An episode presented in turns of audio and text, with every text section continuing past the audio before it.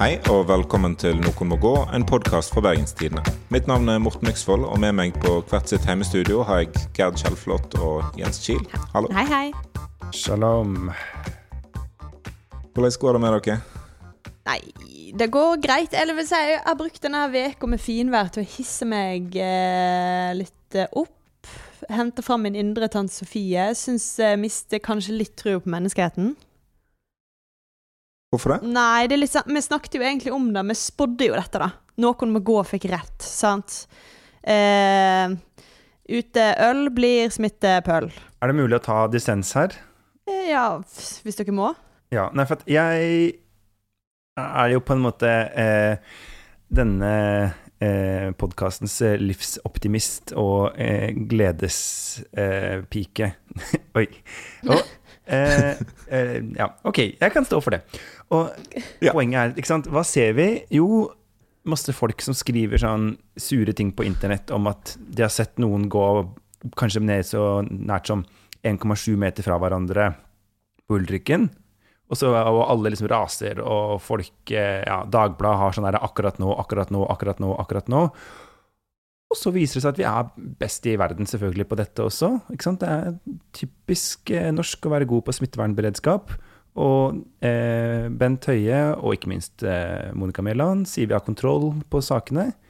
Eh, vi må Nei. ikke henge oss opp i eh, liksom enkelteksemplene. Vi må se det store bildet. Tallet er dødsbra. Nei. Hilsen Gledespiken i Solheimsviken. Jeg tror at det er lett for at vi, når vi ser folk oppføre seg på en måte som de ikke bør, at de går for tett eller det er for store grupper eller noe sånt, så tror jeg vi henger oss veldig opp i det. Fordi at vi har fått så klar beskjed om at det ikke skal gjøres. Da legger vi veldig merke til det. Og så tror vi kanskje at det er litt mer vanlig enn det det er. Eh, Jeg liker pessimisme, og jeg liker å mistro folk.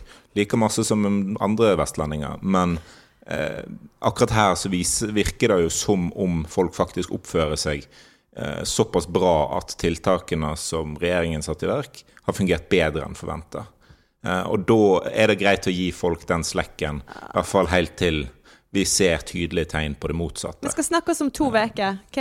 Det skal vi faktisk, for da har vi en podkast om to uker. Jeg elsker at eh, Morten har blitt eh, Team Gledespike siden sist. Altså Når Folkehelseinstituttet sine tall tyder på at en kan være litt gledespike, så kan en være litt gledespike. Men det er ingenting i Folkehelseinstituttets tall som tyder på at man kan være litt gledespike. Nå blir, nå blir Morten Myksvold Les rapporten, altså. Der står det tydelig.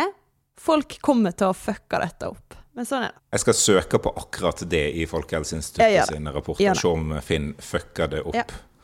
Eh, Nei, altså, jeg, jeg tror jo at det, det er noen som åpenbart kommer til å slappe veldig mye mer av nå, og har gjort det denne veka her. Men om det får liksom, stor effekt på smittetallene, det, det vet vi ikke ennå. Jeg tror vi skal være forsiktige med å på en måte bare anta det. Men folk må jo være forsiktige framover òg. Og hvis det store flertallet er det, så går det bra. Hvor er du, Morten Myksvold? Hvem er du? Jeg er Han har blitt en liten østlending. Nei, herregud. Ok, folk må skjerpe seg. Sitt hjemme, ikke oppsøk folk. Eh, Ikke bli anklaga for å være østlending. Ok. Fra nå av så skal vi prøve oss på det som er en helt koronafri episode. Vi skal snakke om oljefondet, vårens eneste partilandsmøte, bompenger, og så skal vi en tur til Førde, for det har blitt lov igjen. Eh, Men først skal vi til oljefondet. Jeg oppfatter det som en privattur, for det var jo jeg som betalte. Det var jo verken stiftelsen eller firmaet mitt som betalte noen av de kostnadene. Jeg gjorde alt selv, og jeg gjorde mesteparten av jobben selv. Jeg brukte to år av mitt liv på å lage det som jeg eh, tenkte skulle være et slags drømmeseminar med de aller flinkeste forlagsholderne jeg noensinne har truffet. De mest interessante temaene, som jo for meg er sosialpsykologi. Det vi hørte her, var jo da påtroppende sjef for oljefondet, Nikolai Tangen, som snakket om det som er blitt ukas snakkes, drømmeseminaret Back to University, som han eh, holdt i fjor høst. Eh, Tangen han var jo fra før av en styrtrik investor, og med seg på dette drømmeseminaret hadde han invitert en hel haug med rike og eller eh, mektige folk. Eh, blant annet avtroppende sjef for oljefondet, Yngve Slyngstad, og daværende næringsminister Torbjørn Røe Isaksen. I have long dreamed about hosting such an event as this, gathering all my favorite people in one place to embark on a shared journey, står det i velkomstbrosjyre fra dette seminaret. Eh, og det er jo Jeg elsker at det er brosjyre. Jeg Ja, ja. digger brosjyrer. Ja. Er vi sikre på at det er Nicolai Tangen som har arrangert dette her, og ikke Innovasjon Norge? For det høres virkelig ut. Drømmeseminar, shared journey. Det har liksom alle eh, liksom trademarksene til Innovasjon Norge. Ja, jeg vet ikke. Er privatfly og eh, hotell og påspandert mat og en eh, Sting-konsert er det også kjennetegn fra Innovasjon Norge? Godt mulig. Det var i hvert fall det som, eh, som ble påspandert, alle disse som deltok. Det to, eh, koster jo mange, mange millioner. Så jeg vet ikke. Jens, ville du likt å dra back to university med Tangen? Du, svaret på det er nei. Eh, jeg ser masse folk snakker om dette som et sånt drømmeseminar. Eh, hele Norges nye favorittfilosof, eh, Syse, som forklarte at det var en eh, knallhard weekend. Eh, altså, jeg hata å studere. Jeg hata hver eneste time på Blindern. Og er så utrolig glad for å være ferdig med det nitriste livet der. Eh, og hvis noen hadde sagt du må en helg tilbake på universitetet Altså, jeg hadde jo fått panikk. Så ja. Og hvis noen i tillegg sa at du er nødt til å sitte der på lørdagskvelden og høre på Sting Nei, det er, dette er helt forferdelig. Men altså Greit nok. Alt det Det er mye, å, det er mye rart å tulle med her. Altså, men, men det er jo også noen ekte og uh, alvorlige ting. Og så er det jo et eller annet litt sånn eh, med å klare å sortere i denne saken. Fordi da jeg leste VG sin avsløring sist lørdag, så var jeg først litt usikker på egentlig hva er det de har avslørt? Um, hva er det denne saken egentlig består i? Fordi, så vidt jeg kan se, så skjønner jeg ikke at, at Nicolai Tangen egentlig har gjort noe gærent. Og i starten gikk det jo veldig mye på han. Um, men jeg syns det er interessant i seg selv å vise hvor på en måte infiltrert den norske makteliten er i hverandre, eller hva jeg skal si, i seg selv. Eh, det er viktig. Og så er det jo en del katastrofal rolleforståelse ute og går. Eh, blant en del av de statsansatte politikere, toppbyråkrater osv. Og så er det jo spørsmålet som nå reiser seg med full styrke, og som dette rådet i Norges Bank har satt i gang å undersøke, om egentlig eh, Norges Bank gjorde alt rett under ansettelsen av det som Skal vi driste oss til å si at det er Norges viktigste jobb? Ja, men, men før vi går videre og, og diskuterer, for det er jo faktisk mange som har eh, da tatt til orde for at dette her er en ikke-sak. Og som du ser, du, du reiste jo også dette spørsmålet, kan vi jo røpe da, eh, etter helga på et av våre morgenmøter. Eh, vi diskuterte det litt. Eh, Morten, hva eh, tenker du? Nei, altså det, er en, det er en sak med så mange aktører at det å liksom si at det er en veldig stor sak Du kan ikke si det om alle aktørene i saken, at dette er veldig alvorlig for alle. Eh, og jeg sliter fortsatt med å liksom helt fatte liksom hvor store proporsjoner det egentlig er i saken. Fordi at det, det kommer litt sånn drypp her og der og nye saker kontinuerlig. Og det, det kan komme mer eh, som vi ikke vet om. Og, og som Jens sier, i, de første dagene så handler det veldig masse om Tangen. Og så har det handla veldig masse om alle de andre etterpå. Og nå er det mest egentlig Norges Bank som fortjener eh, en del oppmerksomhet for måten de har håndtert hele ansettelsesprosessen på. Og det er jo det som er litt problemet med en sånn type sak som dette, er at det å gå tilbake igjen på ansettelsen nå er jo mye vanskeligere, fordi at avgjørelsen er, er tatt. Hadde Norges Bank hatt en åpnere prosess i, i forkant, eh, ikke liksom satt ut eh, eh, den ansettelsesjobben til private og, og eh, unnlatt å, å ha Tangen på søkerlista i det hele tatt. Og han søkte jo aldri jobben, men likevel fikk han den. Eh, altså Sånne ting eh, kunne en ha unngått hvis en, hvis en var mer åpen. Og det tror jeg, eller det bør Norges Bank angre på nå, da. Jeg tenker jo at hvis vi, hvis vi tenker at det er to litt ulike saker her, så er det én bit som handler om selve dette seminaret, og så er det én bit som handler om ansettelsesprosessen. Og den har egentlig, så vidt vi kan forstå til nå, ingenting med det seminaret å gjøre. Og det er jo Nei. eh, Det virker som det ikke er noen kobling der, i hvert fall ikke som det er kjent. Og Og uansett så er det på en måte mer enn nok å ta tak i, i den. Men hvis vi kan selve det seminaret, så tenker jeg at det er eh, noen sånne kompromisser da, mellom eliten og eh, de som blir styrt av eliten, liksom folket, som på en måte eliten må gidde å forholde seg til hvis de skal være en del av dette.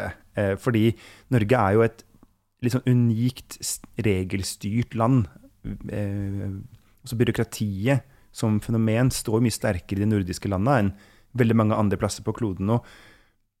Ikke sant? Det er det derre, eh, som du sier, Morten, den regelløsheten med at man ved å bruke hodejegerfirma, så kan man holde seg unna alt av eh, søkelister, eh, jobbintervju eh, disse, Alle disse vennene kan si men jeg var ikke referanse til selve til sentralbanken. Jeg, bare, jeg ble bare oppringt av det hodejegerfirmaet.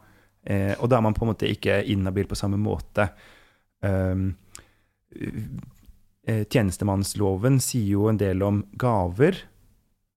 Og så tenker man kanskje ikke at f.eks. en konferanse er en gave, fordi at vi har ikke fantasi til å tenke at konferanse er noe annet enn liksom onsdag til torsdag på Solstrand hotell med eh, rådmannen i Kvam som kommer og snakker om eh, ny forvaltningsplan for utmark. Ikke sant? Altså, eh, mens det, vi, tenk, vi, tenker liksom ikke at det er en flyvende restaurant og, og måtte lide seg gjennom Fields of Gold. Eh, og sånn som at Nå er det andre gang du har angrepet Sting eh, til nå. Altså, det, det, er ikke den største skandalen i dette her. At Tenk at Sting du elsker Sting! På... Det er så sjukt å tenke på. Nei, jeg gjør ikke det. Men jeg, jeg syns Sting har en del bra. Han har en del veldig dårlig. Eh, men bare fordi han lagde musikk på 70-tallet, så er han ikke dum eh, og teit og utdatert nå, altså. Uh, det var, det, og det er en stygg hersketeknikk du nå bruker, Morten Myksvold. eh, masse folk var flinke på 70-tallet, men Sting Altså, nei, han er å, Men eh, på en måte, jeg skjønner jo at en som går rundt med så mye pappahumor inni seg som du gjør, også må like liksom, pappahumorguttas store musikkikon. Men, men, hvis vi skal snakke litt om på en måte problem én her, da, kanskje som er, tenker jeg, folkene som var med på denne turen, en del av de folkene. Eh, for det er klart at noen jo, har jo lov til å bli påspandert eh, hva som helst. Noen var personlige venner og har andre grunner. Men det er jo også en del som er med her, som er offentlige ansatte, eh, personer som er avhengig av tillit. Og det er jo ekstremt strenge regler for hva en kan ta imot av gaver. Fordi det kan bli regna som korrupsjon og smøring, rett og slett. Også uten at det er gitt noen gjenytelse. Um, jeg syns Uten noen sammenligning for øvrig, så er det noe med det der privatfly og luksushotell som ringer noen bjeller her i Bergen til en sak vi var borti for noen år siden. Det skapte ganske masse store problemer. Og nå er det liksom en hel haug eh, med folk som har vært med på dette, da inkludert eh, Yngve Slyngstad og Torbjørn Røe Isaksen. Eh, og det bare Det overrasker meg faktisk litt, da. At folk i deres posisjoner tar imot noe sånt. Altså at ikke, at ikke de skjønner at dette, dette er ikke bra. Dette må vi være eh, forsiktige med. Det virker jo mer og mer som om eh, Torbjørn Røe Isaksen planla den USA-turen rundt det arrangementet, altså for å kunne ja. få til den konferansen. Og det også er jo ja, det er ikke, det er ikke liksom rett måte å gjøre det på, altså. Og samme sånn, ikke sant Jeg tenker at det er greit Jeg tror det er en helt vanlig måte å gjøre det òg, da. At uh, det, det kommer et arrangement som en statsråd vil, vil, være med på. Og i stedet for å reise på det arrangementet alene, så kommer en opp med andre møter som òg er relevante, som f.eks. å møte handelsministeren til USA. Jeg, jeg, tenker at det er bare bra at det ble arrangert flere møter enn denne konferansen. Eh, for å gjøre turen mer relevant. Men han har et problem, fordi han framstilte det først til offentligheten som at jeg drog jo ikke dit i ens ærend, jeg var jo i USA allerede. Og så viser det seg at han hadde jo avtalt å være på dette, eh, denne konferansen et år i forveien. Altså, han var ikke i USA allerede. Ja. Han har ordna det sånn i ettertid. Men det viser jo det viser jo at han ikke reiste i ens ærend. Ja, det var det som var utgangspunktet for turen, men han hadde flere ærend enn den konferansen. Den det er det motsatte av ens ærend. Ja, men han, han, la, han la det, det ikke fram sånn. Han la det ikke fram sånn i starten. Så det er en eller annen greie der. Det går an å lese han sånn. Ja. Mm. Eh, problemet nå er det jo at det er jo mange som ser at de skal betale tilbake nå, da. Nå har de skjønt det. Men er, er det dette skattepengene våre skal gå til? Med mine penger! Ja! Med mine penger skal de betale tilbake. Og jeg må bare si at den der ideen man faktisk sier jeg skal, nå er det på tide å gjøre opp for seg, jeg skal gjøre opp for meg, og så betyr det så derfor skal eh, liksom stat og sentralbank og sånn ta regninga. Altså, jeg er ikke villig til å betale for at folk skal fly verden rundt og gå på Sting-konsert. Eh, det, jeg bare finner meg ikke i det. Eh, men det ligger et alvor altså- i det, altså at, at hvis eh, de, de har en eh, Man ender jo opp med å få noen sånne veldig rare regninger for dette, denne konferansen, som, som på en måte til slutt havner på skattebetalernes bord. Eh, og, og hva har den der å gjøre? Hvis en først mener at en skal reise på disse turene, og at dette var faglig nok interessant, i hvert fall for statsråden å være med på, men òg for Yngve Slyngstad og, og, flere andre, så mener jeg det er riktig at, at, staten betaler for det. For det er mye bedre at staten og, og departement betaler for det, enn at, og da skattebetalerne, enn at eh, Nicolai Tangen betaler for det. Eh, men det finnes jo en, en, siste mulighet her, da. At de rett og slett bare sier Vel, eh, fredag til søndag på dette drømmeseminaret, den regninga får du ta sjæl. Det går an. Og jeg er ikke noen fan av at en skal komme i ettertid, etter avsløringen har kommet, og sagt oi, det eh, burde, det burde staten ha betalt i, i stedet for Nicolai Tangen. For det er sånn rush av folk som tydeligvis Det har skjedd feil, eh, sier de hos, hos mange, da. At det burde ikke vært sånn. Uh, og det er rart at den samme feilen skal skje hos alle. Det er veldig snodig. Og så er det jo også nok en gang Torbjørn Røe Isaksen da, som hadde glemt å, uh, å, å oppgi denne middagen fordi han fikk korona to måneder, tre måneder etterpå. Uh, så det er jo sånn det er. Men Yngve All, Alle som har fulgt ut reiseregninger, kan ha litt medynk med noen som sender inn ting tre måneder for seint. Ja da, men så reiser vi ikke på drømmeseminar heller. Ikke for å være Isaksen forsvarer her. okay.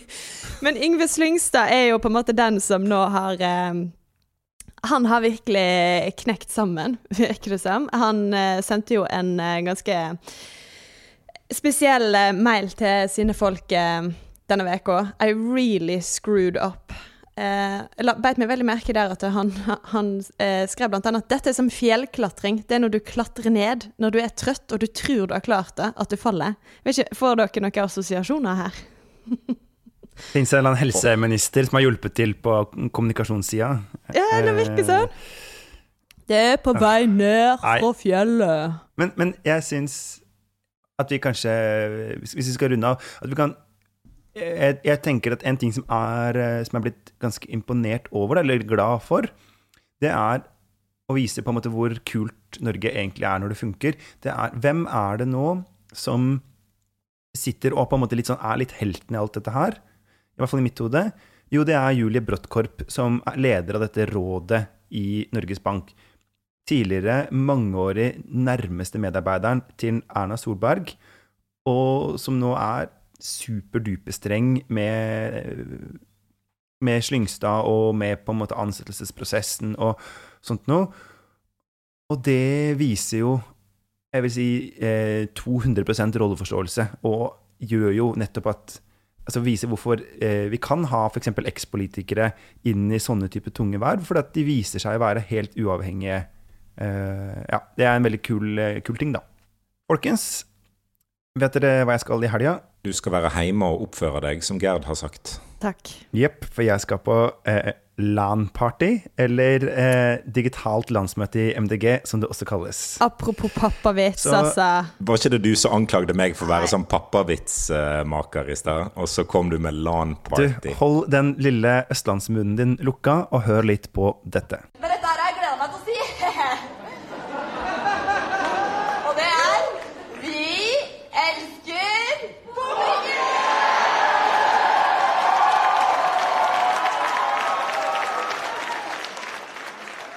For eh, dette er jo da lyden av eh, kvinnen som ikke blir nestleder i MDG, men som kanskje er likevel symbolet på hele den eh, grønne, urbane bølgen som MDG har eh, både delvis skapt og surfa på.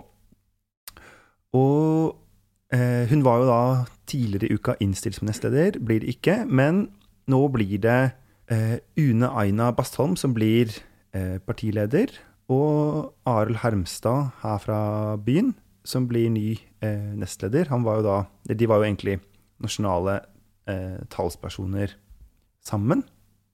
Og så hun som da er innstilt som ny nestleder, og som er vel fiskeripolitisk talsperson, kan det stemme? Poenget er i hvert fall De får jo da et, et nedstrippa landsmøte, men landsmøtet blir det, og det er jo kanskje fordi MDG skal vi gjette at de har den mest sånn digitalt kompetente landsmøteforsamlinga av alle partier? Det, ja. Ja. Aldersmessig, vil jeg tro. Og så er det jo også ganske få, da. Det hjelper jo, antar jeg. Jeg var på landsmøtet deres i fjor, og det er liksom digital kompetanse som en ikke ser i, i andre landsmøtesaler. Altså Det var veldig lett for oss som var journalister der, å, å følge, eh, følge forhandlingene, følge utviklingen på resolusjonene, måten de holdt de kontinuerlig oppdatert på. Så de er jo et av de partiene som tror har størst forutsetninger for å klare det. Ja. Jeg tror ikke det er den eneste personen i MDG som har datakortet, og det tror jeg er en god ting. Men eneste andre partiet som er lite nok til å kunne gjøre dette, er jo kanskje KrF. Men de tror jeg, der, der er i andre enden av skalaen på det der med digital kompetanse, kanskje. De lagrer alt i skyen, men uh, ja. Det var en eller annen gud og himmelvits her, men jeg ikke fikk til. Uh, jeg er lei for det. Ellers så kan jeg jo Det er jo, det er jo da valg. Uh, det er noen taler. Det er en sånn grønn politikk i koronaens tid-uttalelse som skal vedtas. De skal hive en ny skatt på oss rikfolk. Ny 5 eh, skatt på alle inntekter over 700 000.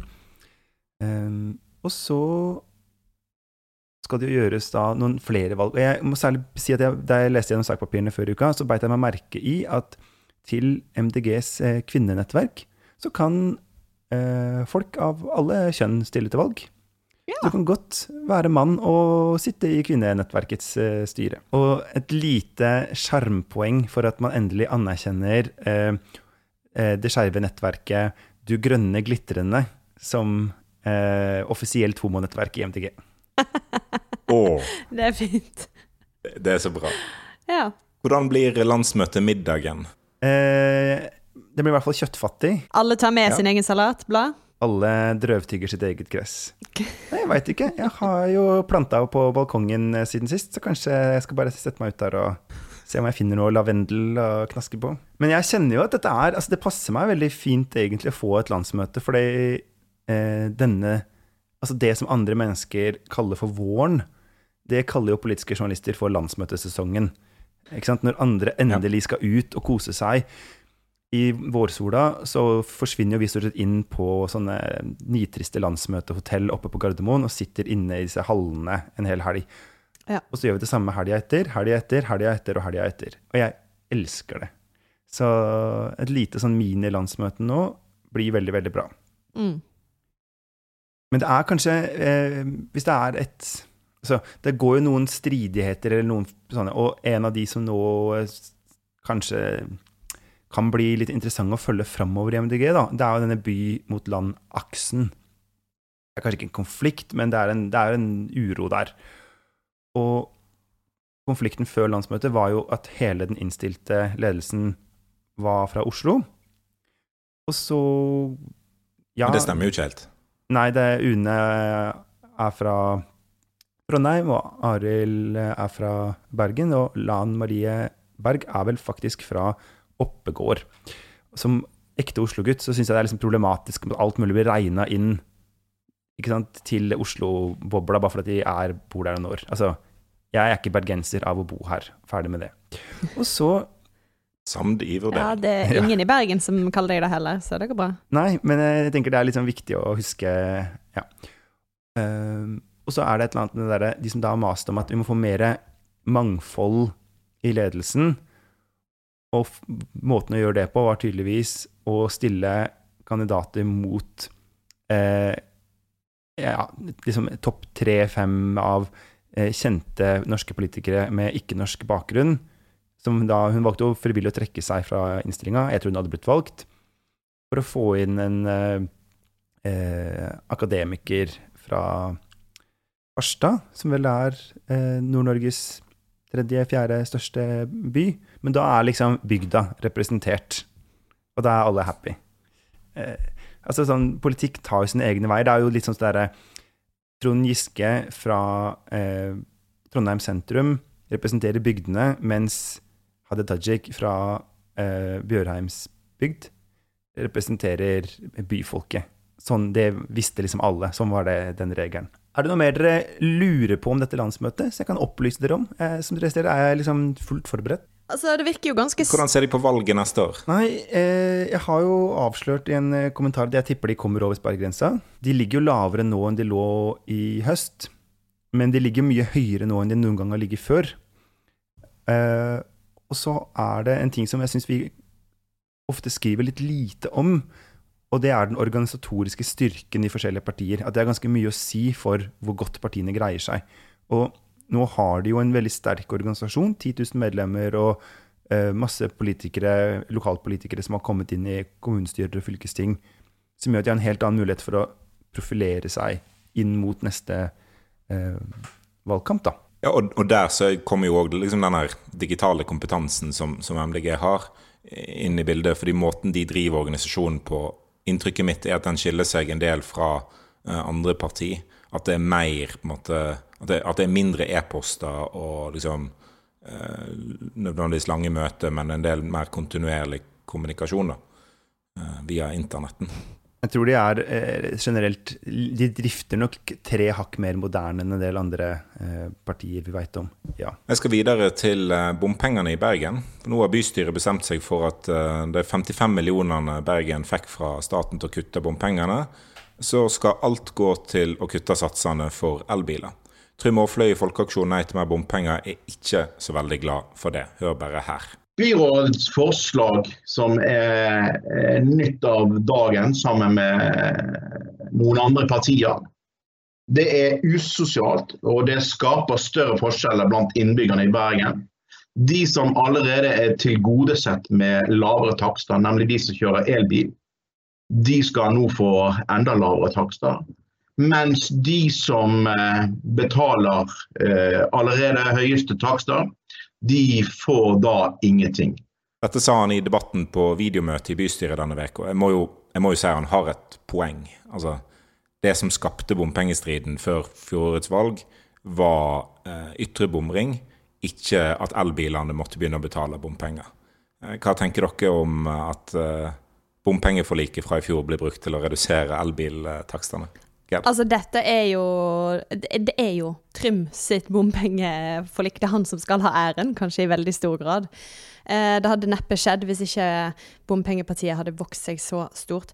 Så det er klart Nei, jeg er egentlig helt enig med deg. Jeg forstår at han er litt eh, opprørt, og så er jeg egentlig helt enig også med de som mener at dette var et usosialt kutt. For eh, i det store og det hele så stemmer det. Det er rikfolk som kjører elbil. Og eh, ja, nå går det på bekostning for de som, eh, som eh, bor langt ut forbi sentrum, som ikke får noe igjen for bompengene sine. Eh, ja, jeg eh, syns ikke helt dette var måten å gjøre det på, men sånn ble det. For jeg tenker at eh, på den ene sida, ja, litt rart. På den andre sida så kan man jo si det var likevel sånn at flertallet i Bergen ikke stemte eh, på Folkeaksjonen Nei til mer bompenger. Og eh, de partiene som nå har samla seg, har jo et flertall. Eh, så det er jo ikke illegitimt på den måten.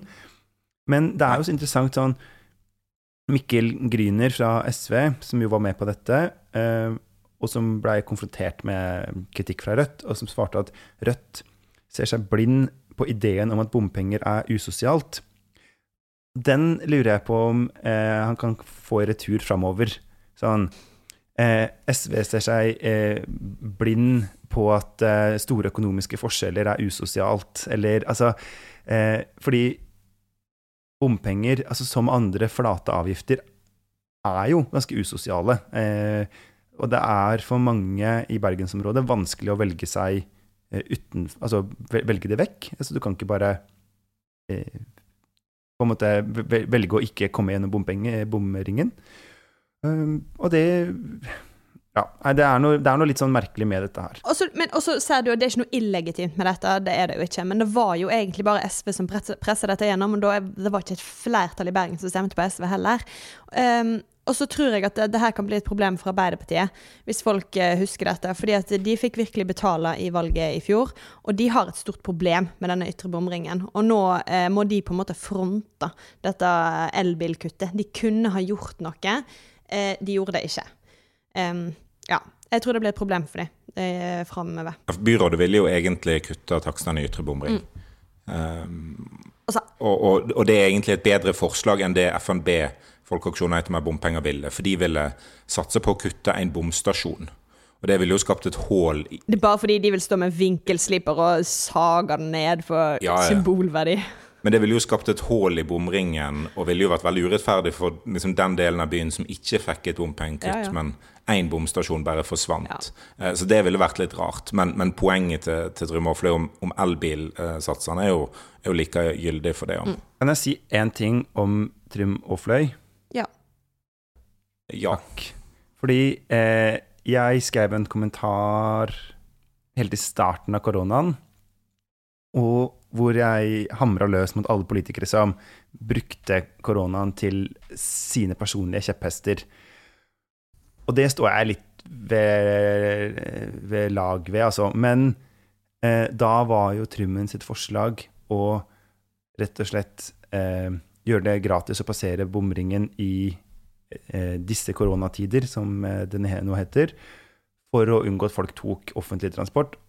Og jeg hamra ganske hardt på det. Og det er vel egentlig bare å si, Jens, der hadde Åfreien rett, og du hadde feil. Det var et ganske ok forslag. Oi, oi, oi, så ja. Eh, Ikke helt enig. dette var et lite, lite glimt av selvkritikk fra, en, fra kommentariatet. Det her skal være Trimmen sin skål! Ja, men Da skal jeg forsvare Jens Kiel av uh, tidlig koronatid. Fordi at uh, Altså, det, det jeg husker best fra Trym Afløy sitt forslag, var at han sa at fordi han foreslo gratis bomring uh, for å hjelpe mot korona, så viste det at eh, bompengepartiet ikke var så bare opptatt av, av bompenger. Men det var det jo. Altså, de foreslo gratis bomring. Eh, Og så er det ikke sånn at bompenger nødvendigvis er det største problemet for å velge bil eh, til jobb, f.eks. på Haukeland eller Haraldsplass. Eh, Hvis det er de folkene som jobber der vi først og fremst skal tenke på at skulle komme seg trygt fram og tilbake. Det, er, det problemet er parkeringsplasser. Det er dyrt, og det er få, og det er liksom Og nå stenger, kommer det en sak i BA om at kommunen skal stenge en parkeringsplass på Kronsminde som Helse Bergen har brukt. Altså Det tror jeg er et mye større problem enn uh, en selve bomsatsene. Men det er jo klart at hadde Trym Aafle kommet med det utspillet kanskje tre-fire-fem dager seinere, så tror jeg han hadde truffet mye bedre. For han kom med det egentlig rett etter Bergen hadde fått sitt første uh, korona, eh, stadfesta koronatilfelle. Eh, og det gikk veldig fort fra da til liksom hele Norge tok korona ekstremt eh, alvorlig. Eh, og eh, ja, Hadde han kommet et par dager senere, så tror jeg det utspillet ville vært en, en fulltreffer. da. Selv om jeg ikke er helt enig med han i, i sak. Forut for sin tid, han er Trym. Ja, men altså Nei, nå, jeg, vi må bare stå ved dette. Eh, denne gangen så eh, var forslaget hans godt, og kanskje var det ikke liksom nøyaktig sånn det burde vært gjort, eller jeg vet ikke, men det burde vært tatt på vanlig alvor som et ok forslag, og ikke eh, bare ledd av. Sånn, takk for meg. Vi skal videre til vår eh, faste spalte og Vestland. Eh, hva, hvor skal vi i dag, eh, Jens? Du, Morten Miksvold, nå eh, skal vi endelig tilbake til Car City Førde. Og jeg har egentlig, Dette har jeg hatt på blokka så lenge at det er litt utdatert, men det føles så viktig å få tatt opp. Og til vanlig så er jo denne spalta egentlig modellert over at jeg finner noe som jeg lurer på, og så spør jeg om dere om greier. Men nå tenker jeg at jeg bare må holde et lite eh, foredrag om områdeplan Indre Øyrane. Er dere klare for eh, Herregud, jeg gleder meg. Fagdag i Noen må gå-redaksjon. Veldig Ja. bra. Poenget er at eh, Førde er, som det vel kanskje har blitt nevnt tidligere i denne podkasten, har et ganske nitrist sentrum. Så et av tiltakene har vært da en stor oppgradering av eh, sentrum som har vært foreslått, og en sånn områdeplan for Indre Øyrane. Eh, med masse regler om hvordan nye bygg skal se ut. Og så begynner jo nå næringslivsaktørene å komme på banen. Eh, først er det noen som i februar, slutten av februar som ville ha godkjent eh, et forslag om et bygg opp mot 9000 kvadratmeter, som skulle være litt sånn som eh, Biltema, Claes Olsson, Jula, et sånt type bygg. Eh, og kravet er egentlig at det skal være fire etasjer og med leiligheter i de tre øverste, og så næring i den første etasjen. Og så sa de hva om vi bare bygger en ni meter høy sånn kassehall i stedet, og så med altfor mange parkeringsplasser utafor, sammenligna med hva som var lov. Og så svarte Førde-politikerne at eh, ja, jo, det er jo kanskje ikke så bra, men vi får godta det likevel. Eh, I bytte mot at dere kanskje vurderer å kunne bygge noen etasjer på toppen seinere. Og så har vel utbyggeren allerede sagt det kommer aldri til å skje, men vi får se. Eh, og kommunen hadde altså, det, var, jeg var, det her lærte jeg noe nytt, fordi Hør på dette, jenter. Det? Du kan egentlig da bare godta så og så mange parkeringsplasser per kvadrat eh, butikk. Men ved å regne en sånn høy lagerhall som f.eks. tre etasjer, selv om den er bare én flate, så Mhm. kan du legge inn fiktive etasjer, og da kan du lage tre, godta, godta tre ganger så mange P-plasser. Hvorfor ikke bare ha ekte etasje? Eh, nei, men det har de jo ikke noe bruk for. De vil bare ha en sånn lagerhall med Ja. Og så, eh, nå skal Firda Billag eh, lage også nytt eh, bygg. Og bak der skal det komme 400 nye parkeringsplasser, for det var jo akkurat det Førde sentrum mangla. Og så igjen dette kravet om første etasje med eh, forretningsverksemd og sånn. Og da har Firda Bilag sagt eh, kan vi ikke ha forretninger, men i stedet ha bussoppstillingsplass? Og så har kommunen sagt ja, jo, det kan dere egentlig godt ha. Det viktigste med en plan er at du har noe å dispensere fra. Eh, Det er jo det Førde-politikerne viser her, at de lager en, eh, det som virker som en veldig fornuftig plan. Og så kommer det ett forslag som strider med den planen, og så tenker de ja, men det må vi jo si ja til. Så kommer det ett forslag til, og så ett forslag til.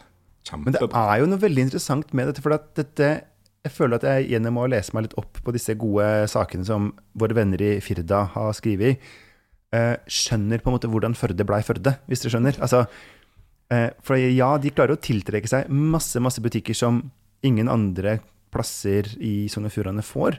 Og det er jo ved å bare, eh, unnskyld uttrykket, legge seg på rygg hver gang. Men det er jo kanskje det Førde må gjøre for at det skal være måtte, butikker der, for at, det skal, at folk i eh, området rundt skal komme inn der og handle der. Eh, at eh, folk som er avhengig av bil, kjører inn til, til Førde, og så kjører de fra parkeringsplass til parkeringsplass. Men hvor skulle de ellers dra da, Morten Myksvold? I Sogn og Fjordane? På internett. Ja, OK, da. De har det der oppe òg. Ja, men på internett er det jo liksom bare snusk. Og så er det jo eh, eh, Men jeg syns altså sånn Dette bygget med 400 nye parkeringsplasser Altså, finnes det så mange biler så, eh, Det er jo Er ikke det veldig rart? Det er, det er helt ekstremt eh, stort. Det er mye.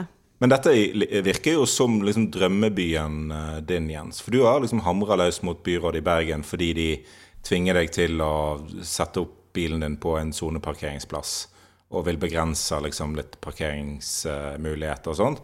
Eh, mens Førde, der er det liksom fritt fram for å sette bilen hvor som helst. Er det liksom Er det det du vil ha i Bergen, egentlig? Eh, Og så kritiserer du Førde for det? Jeg, eh, det kan hende at jeg hadde passa ganske godt til å bli førdianer, fordi jeg jo er et sånn bilbasert eh, menneske. Og Jeg har et tips til deg, da. jeg, jeg syns Kanskje du bare flytter til okay. Åsane? Som er jo på en måte Bergens Førde. Ja. Jo Men så kommer jo plutselig Bybanen der om 20-25 år, sant? og da er det, Og da har vi da det er det ikke en bilbasert bydel lenger. Nei, Og da må Jens flytte der. Da ødelegger du sjarmen. Ja, Ja. Da ender jeg opp eh, ute i Knarvik. Dit kommer det aldri noe bybane, tror jeg. Det har kanskje vært forslag om det? Det var et eh, Ja, det var i førsteside i et, jeg Husker ikke om det var Nordhordland eller Strilen, der de hadde lagt eh, Manhattan Skyline bak liksom Knarvik sentrum, eh, og, og eh, at Bybanen da skulle komme seg til eh, eh, til Knarvik. Dritbra. Og det ville jo tatt seks og en halv time omtrent å ta Bybanen dit. Okay, ja, seks og en halv time. Det noe må man bruke tida på i disse koronatider. Du, tar jo ikke Bybanen i koronatider, da. Det er, jo, det er jo helt perfekt. Sånn sett Førde er jo perfekt koronatilpasset. Men nå skulle ikke vi snakke om korona, så nå bare gir vi oss på det. Eh, jeg tror at det er noe med eh, at det er lett, da, utrolig lett for lokalpolitikere å si eh, vi vil ha et levende sentrum, sånn og sånn. Men sånn som Førde er jo ikke en kjempesvær plass, og hvis du stiller for mange krav, så blir det jo bare for dyrt for at det egentlig er mulig for utbyggere å få økonomi i prosjektene sine. Så kanskje må de bare tåle dette hvis de vil ha folketallsvekst og omsetningsøkning og altså, Fordi Førde har jo lyktes med noe som ganske mange andre bygdebyer ikke har fått til. da. Det er ikke sikkert at de liksom har så mange alternativer. Det er Annet enn å si nei, på en måte, og da er det jo stillstand. Voks Ja. eller dø, som det kalles i kapitalismen. Før vi avslutter, er det noen som må gå denne uka? Det blir jo spennende å se om noen i den der Tangengate-gjengen må gå, da. Mm. Hva tror dere? Litt for tidlig å si ennå. Mye kan skje, tror jeg. Og så kanskje jeg må gå, som eh, kritiserte Trym uten grunn. Eller så kan du kjøre bilen din til Førde og parkere der. Mm, deilig. Innspill og tilbakemeldinger kan du sende til eh, nmg.alfakrøllbt.no, eller i Facebook-gruppa Noen må gå. Intromusikk var 'Bergensere' av Bjørn Torske. Produsent var Henrik Svanvik.